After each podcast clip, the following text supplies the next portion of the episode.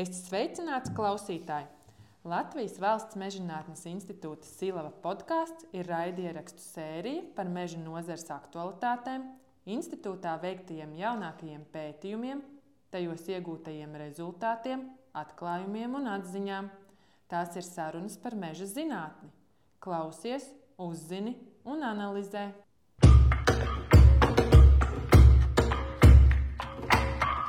Sveicināti klausītāji!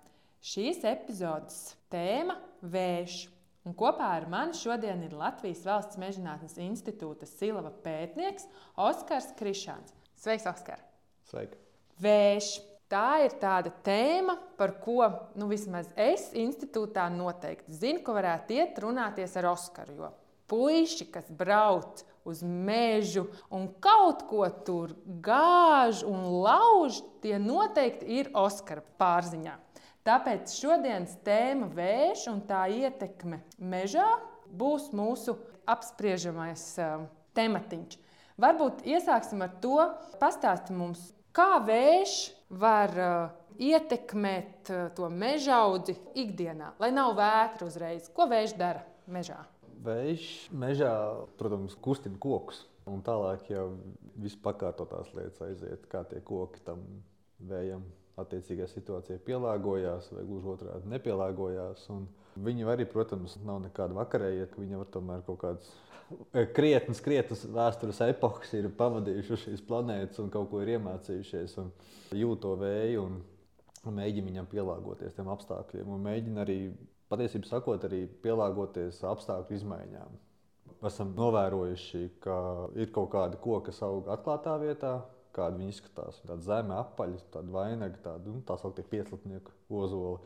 Vai gluži otrādi mežā koki ir slaidi, garāki. Un, ja nu tur kaut ko tur nocērt, nu kaut kādi tur atsevišķi koki paliek, nu, tad viņi tā kā tāds garas maigs ļoti bieži arī tur, tur saliecās vai pat diezgan viegli nokrīt. Tad, tas raksturo to, ka ir tās divas atšķirīgās dzīves vidas, iespējams, kokiem. Atkarībā no tā, kādā vietā viņš ir sācis augt, tad viņš arī teksim, nu, to savu formu pielāgo apstākļiem. Vai viņam ir kaimiņi apkārt, vai viņam nav to kaimiņu apkārt. Un tad jau viņš spēja jau saprast, kas ir gaidāms no tā vēja, un tad jau viņš zina, kā turpināt augt. Un problēma ir tad, kad tas koks kļūst vecāks un viņam pēkšņi strauji izmainās šie apstākļi. Jā, viņš kaut ko var pielāgot, kaut kam adaptēties, bet nu, vairs ne tik ļoti, kā piemēram agrīnā vecumā.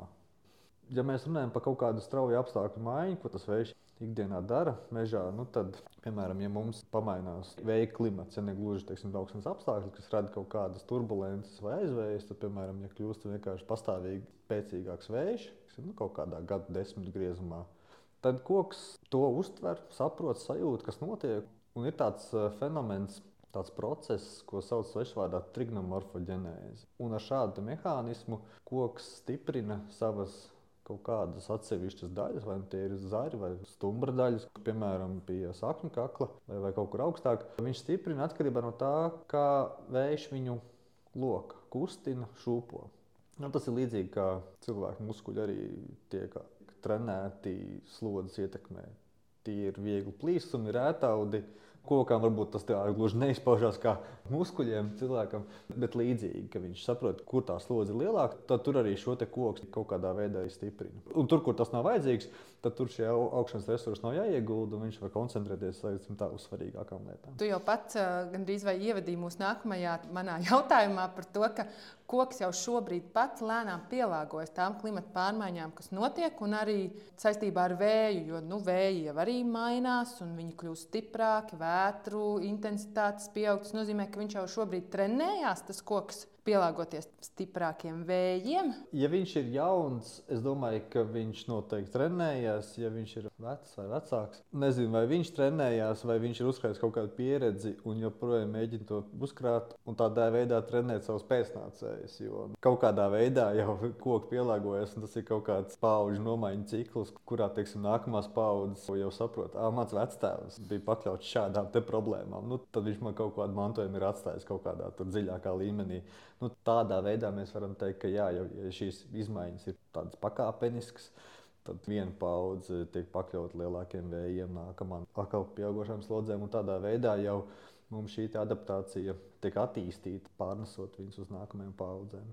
tad uzreiz gribētos arī saprast par tiem vēja bojājumu veidiem. Tu jau nedaudz pieminēji, ka vadaudi var plīst. Jā. Kā muskuļu cilvēkam. Tipiskā, ko varbūt klausītāji ir redzējuši, tās ir kaut kādas vēgāzes pēc lielām vētrām vai vēlauzes. Tu varbūt varētu pastāstīt vairāk, kādi ir tie bojājumi veidi, un tad jau iesim atkal tālāk, ko lai darītu, lai nebūtu tie Jā. bojājumi.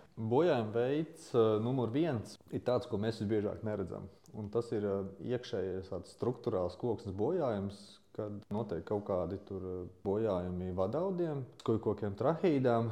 Vienmēr sakot, koksnē iekšā šo bojājumu rezultātā notiek kaut kādas fizioloģiskas izmaiņas.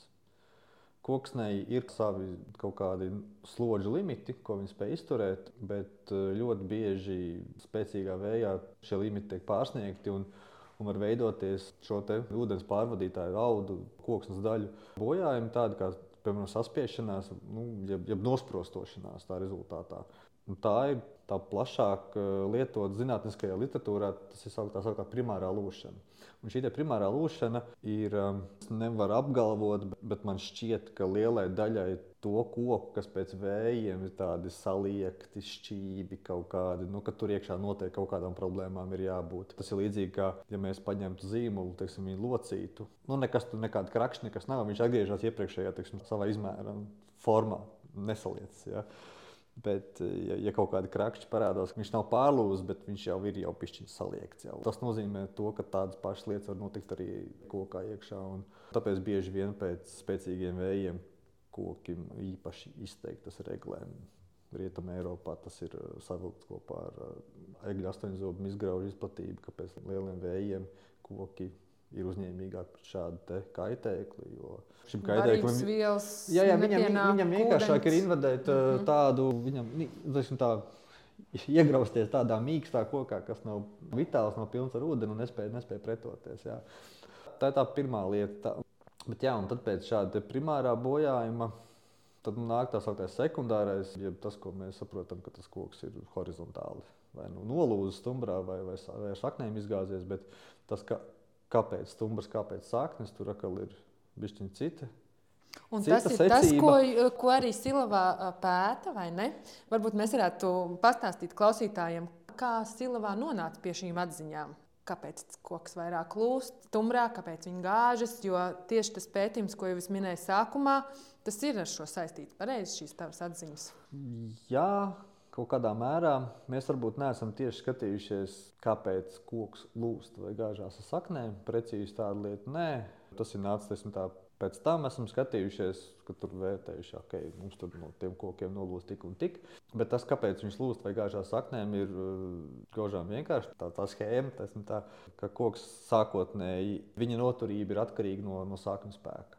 Ja neiztur saknes, tad viņš izgāžās saknēm. Ja, ja saknes iztur, tad stafeti Eh, šajā testā pārņem stumbrs, un tad viņam attiecīgi pie kaut kāda brīža būs jālūst. Es eh, savos pētījumos neesmu novērojis to, ka lūzušiem kokiem šie te slodžu testi uzrādītu lielāku slodžu noturību nekā saknēm izgāzušiem. Tā ir vienkārši situācija, cik tas koks ir labi ienkurojies ar saknēm. Vai viņam ir kaut kādi stumbri bojājumi, vai viņam ir sakņu bojājumi, vai kaut kādi kaimiņi tuvāk, tālāk, vai tā sakne spēj saslēgties savā starpā kāda ir augsnes apstākļi, mitrums, attiecīgi arī, arī šī augsnes blīvums, nespēja un tas pats materiāls. Vai tā ir kaut kāda vieglāka augsne, kā piemēram kūdra, vai smagāka, kā esmu, oļaina, kaut kāda morēna, mākslas vai kaut kas tāds. Tas, tas ļoti nosvara. Tātad tas faktoru kopums, kas īstenībā ietekmē to, cik tie koki un arī mežauds būs noturīgi pret vētrām un, un vēju, ir ļoti liels un dažkārt pat tāda laimes spēle. Jā, kā vējš iegriežas. Jā, un nē. To laimes spēli ļoti ietekmē cilvēku darbību. Jo, ja mēs radām pēkšņi straujas izmaiņas tajā mežā, nu, tad tur arī visam pārējiem ir viegli ienākt un kaut, ko, kaut kādu posmu nodarīt. Kā piemēram, vējam, tas, ko sākumā teica, ka labi ir, ka tas koks ir skolos no mazotnes, ka viņš ir izgājis sākuma skolu. Viņš ir izgājis pirms skolas, vēl pirms tam, ka viņš jau māca burtus, jau saprast, un tad iemācās lasīt. Nu, tā tēlēni izsakoties. Un tad pamazām viņam ir šīs te, tā sauktā pieslatnieka vēja noturības īpašības, bet viņš ir meža koks. Nu, tas tas ideālais variants ir, ka viņš spēj pastāvēt tādas spēcīgas vējas, bet, bet viņš aug audzē, viņam ir kaimiņi apkārt, un viņam ir viss vispārējais kvalitātes kā meža kokam, salīdzinot ar teiksim, tādu nu, solitēru, jeb ja laukā stāvošu koku. Nu jā, tad mēs nonākam pie tā, kas tad ir tie riska mazināšanas um, rīki un paņēmieni, kā mēs varam palīdzēt. Viņi ir gaužām vienkārši, bet laikam sarežģītākais bieži vien ir šī uzcītība un tāda, tāda metodiska pieeja šīm lietām. Mežs ir jākopj, lai tas strādātu. Ir jāskatās, vai mums ir kaut kādi biotisko faktoru riski, piemēram, vai tur var iemesties, piemēram, sakņu trūpe. Kaut kādi nu, citi bojājumi veidoties, kā piemēram stumbra mizas bojājumi, kas kā mēs esam noskaidrojuši, piemēram, meklē samazina sakņu noturību.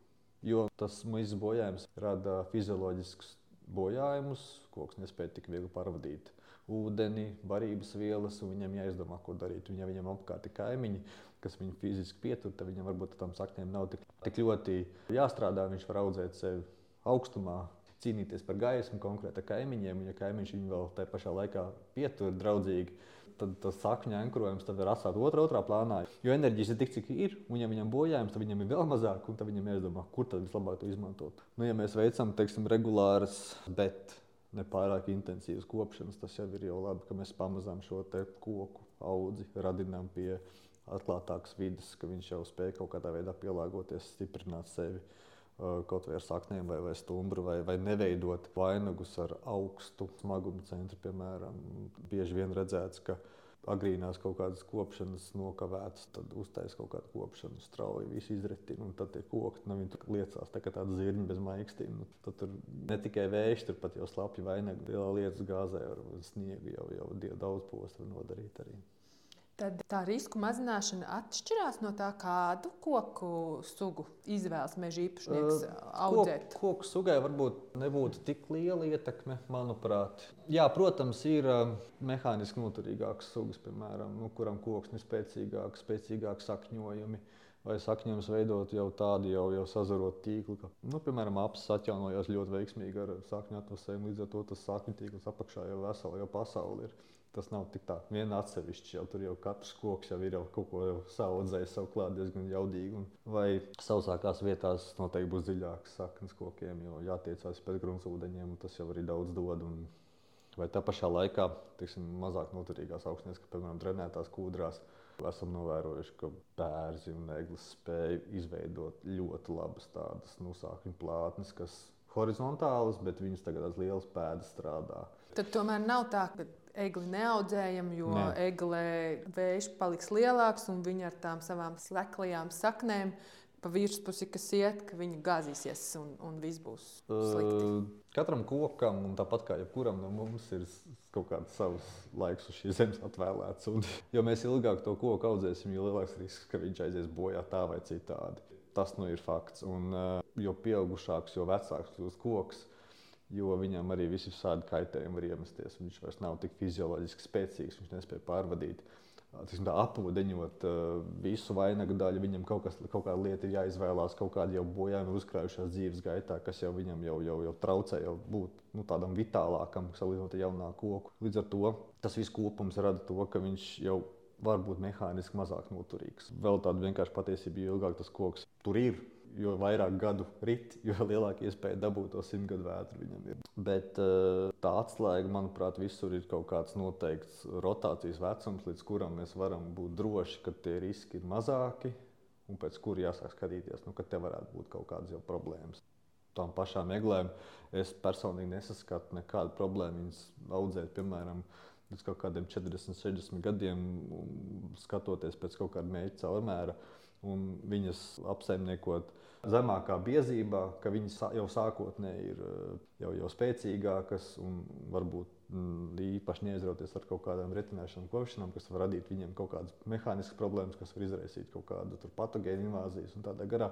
Nu, būsim godīgi, nu, nav mums tie egļu meži visi iznīcināti līdz šim. Nu, Tas ir atsevišķas vietas, atsevišķas situācijas, kad var veidoties kaut kādi spēcīgāki, piemēram, pērkona negaisa. To mēs esam redzējuši, ka pērkona negaisa, ka viņam tādi vēji uzplūdi, ja tā var teikt, viņi tādi, tādi viļņveidīgi ir. Ka, teiksim, ir viens izgāzts laukums, tad ir nākamais, nākamais, nākamais. Tas saistīts ar to, ka viņš ir tāds tas straujās lejupējošās gaisa plūsmas rada to, ka nu, Ja kaut kas tur apakšā ir, nu, tad liela iespēja, ka tas viss tur aizies bojā.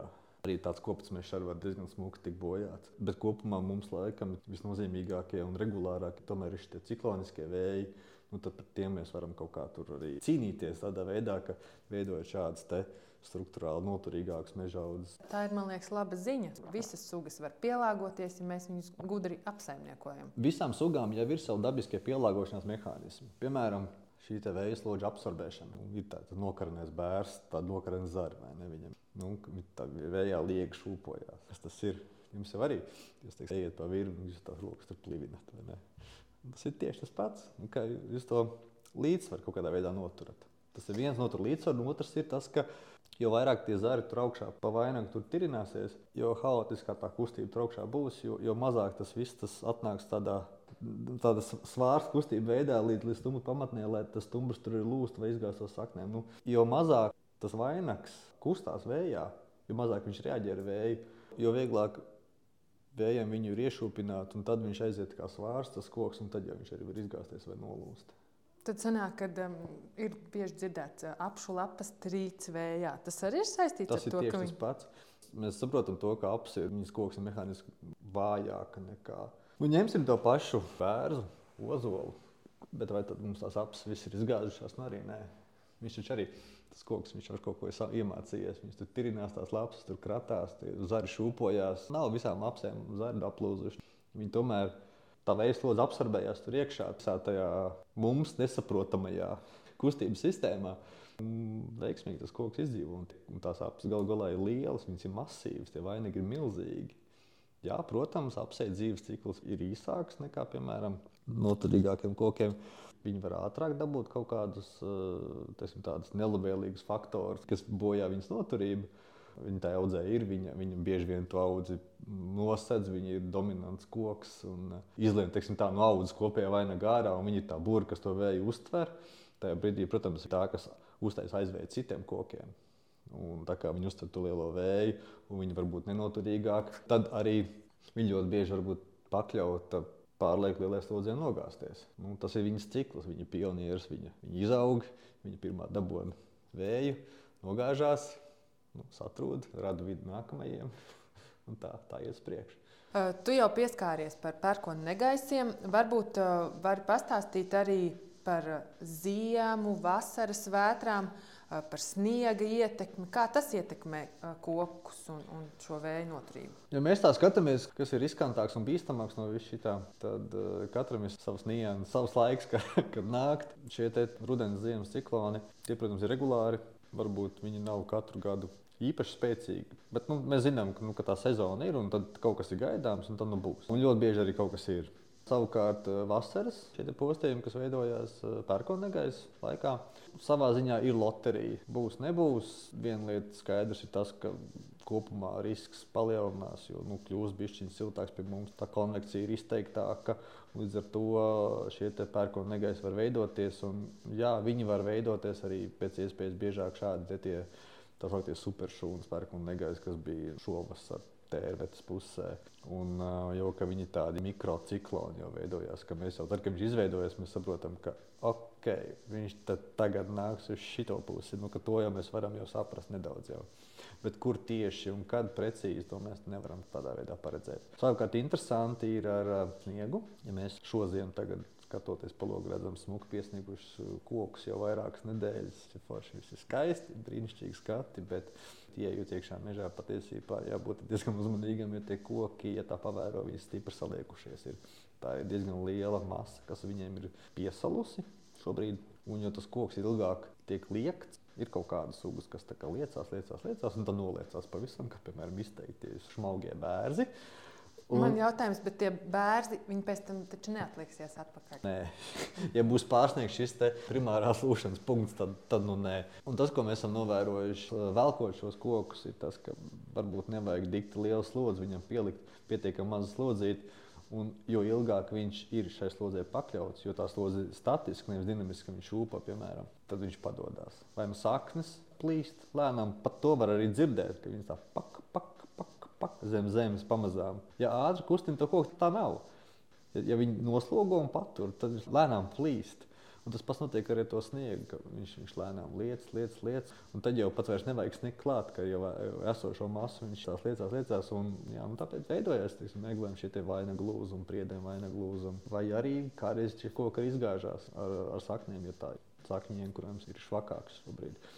Tad liela sniega apstākļos pat nav nepieciešama kaut kādas lielas vētras vai stipri vēja pūtieni. Jā, viņi vienkārši tiek visu laiku slodžoti, un cik tā mēs varam izturēt. Vienkārši vienā brīdī tas vads lūst un tas koks nāk lejā. Vai arī viņš it kā var izturēt, bet tad pietiek ar salīdzinoši nelielu vēja pūtienu, lai viņš arī, arī, arī nogāztos. Jo viņam jau ir šis smaguma centrs krietni paaugstināts, un plus vēl tur ir nāk klāt tas svars ja vēl bišķi kaut kas piesniegt klāt un kaut nedaudz pakustina šo koku, tad jau ir liels risks. Man um, gribētos kaut kā tā pajautāt par, par silaus pētījumiem, par vēju un par skatu arī nākotnē. Kādi ir šobrīd aktuālie pētījumi par vēju un, un kas ir plānots uz priekšu? O, ja saplānots ir ļoti ilgam laikam uz priekšu, jo kaut kādu vienu šauru lietu darot, nāk tāda saprāšana, ka E, bet ir vēl šis, ir vēl šis, ir vēl tas, ir vēl tas. Un tad vēl ar kādu runājot par to visu, radās vēl idejas, vēl idejas, vēl idejas. Un tad tur izrādās, ka vēl kaut kur ārzemēs kaut kāda līdzīga, kas, un tam mēs varam salīdzināt šo pa kaut kādu gradientu. Tādā ziņā ir ilgam laikam, ko darīt. Zinātniskā ziņā apmierināšanai tur ir, ir daudz, daudz, kur izvērsties. Bet uh, līdz šim, kas mums ir tāds sadarīts, mēs jau kaut kādus, nu, vismaz piecus gadus jau veicam tādu lietu kā koku slodžu testi vilkšanas tests, un tā rezultātā mēs to koku nogāžam. Bet mēs nomēram arī visus visādus spēkus, kādus viņš ir izturējis vai neizturējis. Precīzāk sakot, arī kaut kādas kustības esam, esam samērījuši. Tad mēs zinām, kā, kāda viņam ir izmēra, kādās vietās viņi ir auguši. Un tad, tad nu, mēs salīdzinām savā starpā, nu, kas nu ir stiprāks, kas mazāk stiprs. Un līdz šim mēs esam pamanījušies savākt Eiropā otru lielāko datu bāzi un Ziemeļā-Eiropā lielāko datu bāzi par šādiem testiem. Un kādi ir rezultāti? Rezultāti ir tādi, ka mēs līdz šim esam kaut ko atsevišķi publicējuši, kaut kādas atsevišķas dažas lietas. Tad, tad tagad mēs esam sākuši kaut ko vilkt kopā, kaut kādu lielāku bildi. Tās atsevišķās lietas ir bijušas par eglēm, par sakņu trupi, par, par dzīvnieku mīzes apgrauzumu ietekmi uz složu noturību. Daudz par bēzu ir bijis, par augsnes sasalumu ietekmi. Tam ir, tam ir nozīme vai nav nozīme, mistrojumu ietekme ja mēs paliekam kaut kādas atziņas ārā, nu tad, tad, protams, eglē kopumā ir zemāka šī noturība. Eh, ja mēs tā salīdzinām sugu pret sugu, attiecīgi augstnes ietvaros, bet, bet tas nenozīmē to, ka viņa ir neperspektīva nu, no vēja viedokļa. Protams, eglē ļoti jāskatās, ir, vai nav kaut kāda sakņu trupas gadījuma vai mehāniska bojājuma, kas var būt samazināt šo viņas noturību. Līdz ar to tas ir ļoti jāskatās.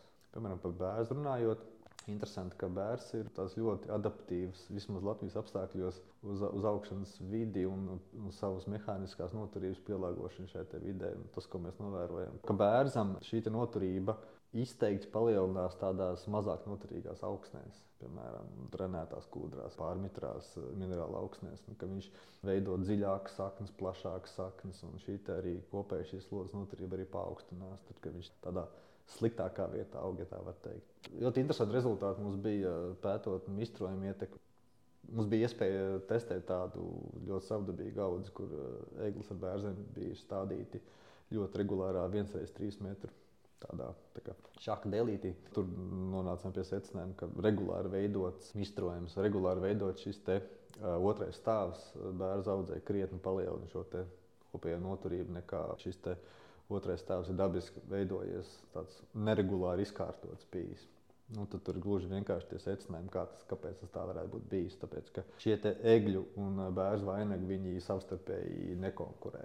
Tajā gadījumā, ja pa vidus tam bērnam ir egli, bērns aug tā, tā it kā viņš augtu tiksim, retāk audzē nekā tur tā egla apakšā, protams, ir. Tā kā viens pats jūtas, ja? Nu, tā kā jā, viens pats, bet Bet un tas ir laikā... skaidrojams ar saknu sistēmu atšķirībām, kad bērns iet dziļumā, egli pa virsmu. Vai... Tam, ir, tam ir ietekme. Tas, ko es gribēju tālāk teikt, ka egli iet pa virsmu, bērns dziļumā. Nu, varbūt tajā vietā tik gluži izteikti, bet viņiem šīs spējas ir attiecīgi tādas, ka bērns spēj paņemt dziļākus ūdeņus. Eglēs iznekas neatliek, kā dzīvot no lietas ūdeņiem. Un tad nu, viņiem šie ūdens resursi ir kaut kādā veidā sadalīti. Un, ja egli ir apakšā zem bērza, viņi tik ļoti neiztveiko, ko viņai to ūdeni pat tik daudz nevajag. Un, un viņi varbūt tik ļoti necieš sausumu, kā tas varētu būt, ja viņi būtu atklātākā vietā. Tas kaut kā daudz veidoši jau ļoti atbrīvo nu, teiksim, to tālāk apsaimniekošanu. Viņi Kā, piemēram, ko mēs darām ar kopšanām, vai taisām vai netaisām. Varbūt tur pat nema, izskatās, ka pat nevajag taisīt, ka to visu var smuki bez kopšanām arī, arī nocirst un stādīt nākamo. Un ka tur tie sortimenti sadalījumi jau arī tīri labi jau viņi tur saveidojās jau tādi. Jau. Es domāju par to, kādi ir pētījumi jau veikti un kas ir uz priekšu.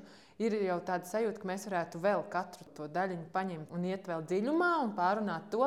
Bet tāpēc es domāju, ka mēs varētu šoreiz likt punktu mūsu sarunai, pievienot mūsu podkāstu beigām pāris pētījumus, ja cilvēki ir ieinteresēti, varbūt var palasīt kādus rakstus. Un tad um, novēlēt veiksmi turpmākajos pētījumos un tiksimies kādā no nākamajām podkāstu epizodēm. Paldies, tev, Oskar! Paldies!